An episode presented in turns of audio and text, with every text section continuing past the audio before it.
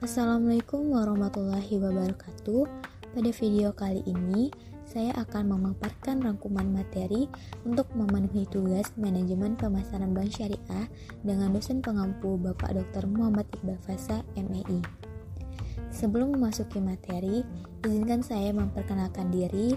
Nama saya Nadira Najmi Fitriani dengan MPM 205 1020 107 Prodi Perbankan Syariah kelas B. Baiklah, langsung saja kita memasuki materi. Yang pertama yaitu ada pengertian manajemen pemasaran bank syariah, yaitu sebuah disiplin bisnis strategis yang mengarahkan proses penciptaan, penawaran, permintaan nasabah, dan perubahan value dari suatu inisiator kepada stakeholdernya yang dalam keseluruhan prosesnya sesuai dengan akad dan ketentuan syariah. Berikutnya, untuk tercapainya tujuan organisasi terdapat POAC yaitu planning, organizing, actuating, controlling, dan jika POAC tersebut diterapkan, maka tujuan organisasi akan tercapai. Berikutnya ada tujuan bank syariah, yaitu pemerataan kesejahteraan rakyat dan funding atau penghimpunan dana, ada financing atau menyalurkan dana sedangkan tujuan manajemen pemasaran bank syariah berupa mendapatkan keuntungan, membayar gaji karyawan, serta meningkatkan keuntungan. Selanjutnya ada tujuh komponen dalam marketing mix. Yang pertama ada produk, yaitu berbentuk barang, jasa, produk digital, atau layanan. Yang kedua ada price, yaitu harga tergantung nilai produk yang dapat dirasakan oleh konsumen.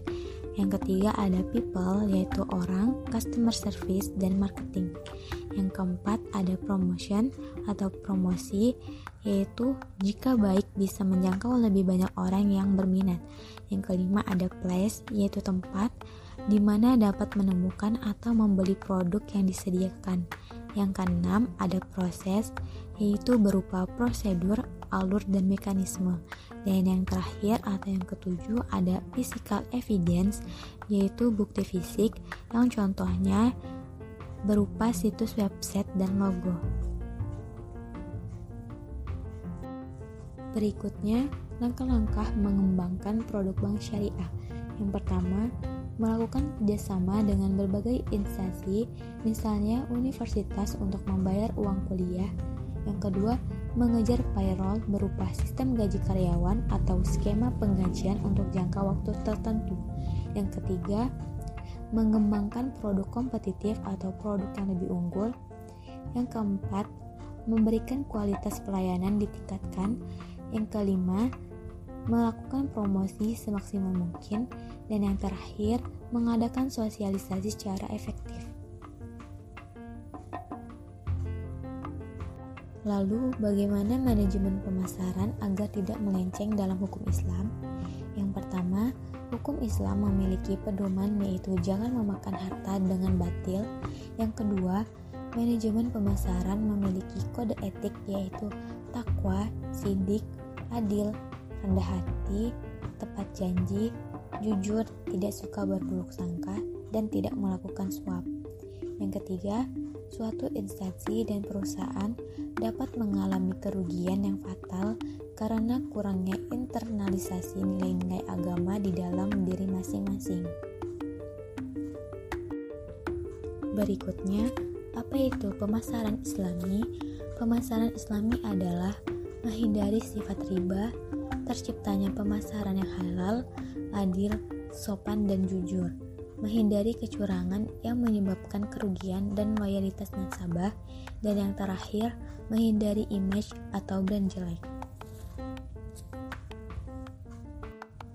Selanjutnya, ada prinsip yang ditekankan dalam spiritual marketing, berupa intelektual, emosional, hubungan hablum minallah atau hubungan dengan Allah, dan hablum minan nas, hubungan sama manusia. Dan yang terakhir, pedoman tuntutan ajaran spiritual agama masing-masing tidak boleh mutlak keluar dari ajaran agama. Di sini ada proses perencanaan strategi bisnis, yaitu yang pertama evaluasi status sampai posisi sekarang. Yang kedua, merumuskan tujuan. Yang ketiga, menilai peluang bisnis. Yang keempat, analisis lingkungan pemasaran. Yang kelima, merumuskan strategi. Yang keenam, merumuskan program. Dan yang ketujuh, pelaksanaan dan pengendalian program.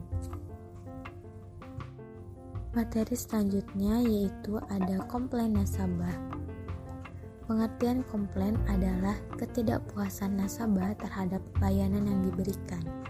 Selanjutnya, jenis-jenis komplain nasabah. Yang pertama ada aktif komplainer, yaitu mereka yang memahami haknya, asertif, percaya diri, dan tahu persis cara menyampaikan komplain. Tipe ini sangat berharga karena mereka cenderung menginformasikan dan mencari solusi atas setiap komplain yang mereka rasakan. Dengan demikian, Anda mendapat peluang untuk melakukan perbaikan dan memuaskan mereka. Yang kedua ada inactive complainer, yaitu merupakan tipe orang yang lebih suka menyampaikan keluhan kepada orang lain daripada langsung kepada perusahaan yang bersangkutan mereka cenderung langsung berganti pemasok dan tidak pernah kembali lagi ke perusahaan yang mengecewakan mereka. Dan yang ketiga ada hyperactive complainers, tipe orang yang selalu komplain terhadap apa pun. Tipe ini bisa disebut chronic complainers yang kadangkala berlaku kasar dan agresif. Mereka hampir tidak mungkin dipuaskan karena tujuan komplainnya lebih dilatar belakangi keinginan untuk mencari untung. Baiklah, mungkin cukup sekian pemaparan materi rangkuman dari saya. Kurang lebihnya saya memohon maaf, hanya kepada Allah saya mohon ampun. Bilahi taufiq wal hidayah. Wassalamualaikum warahmatullahi wabarakatuh.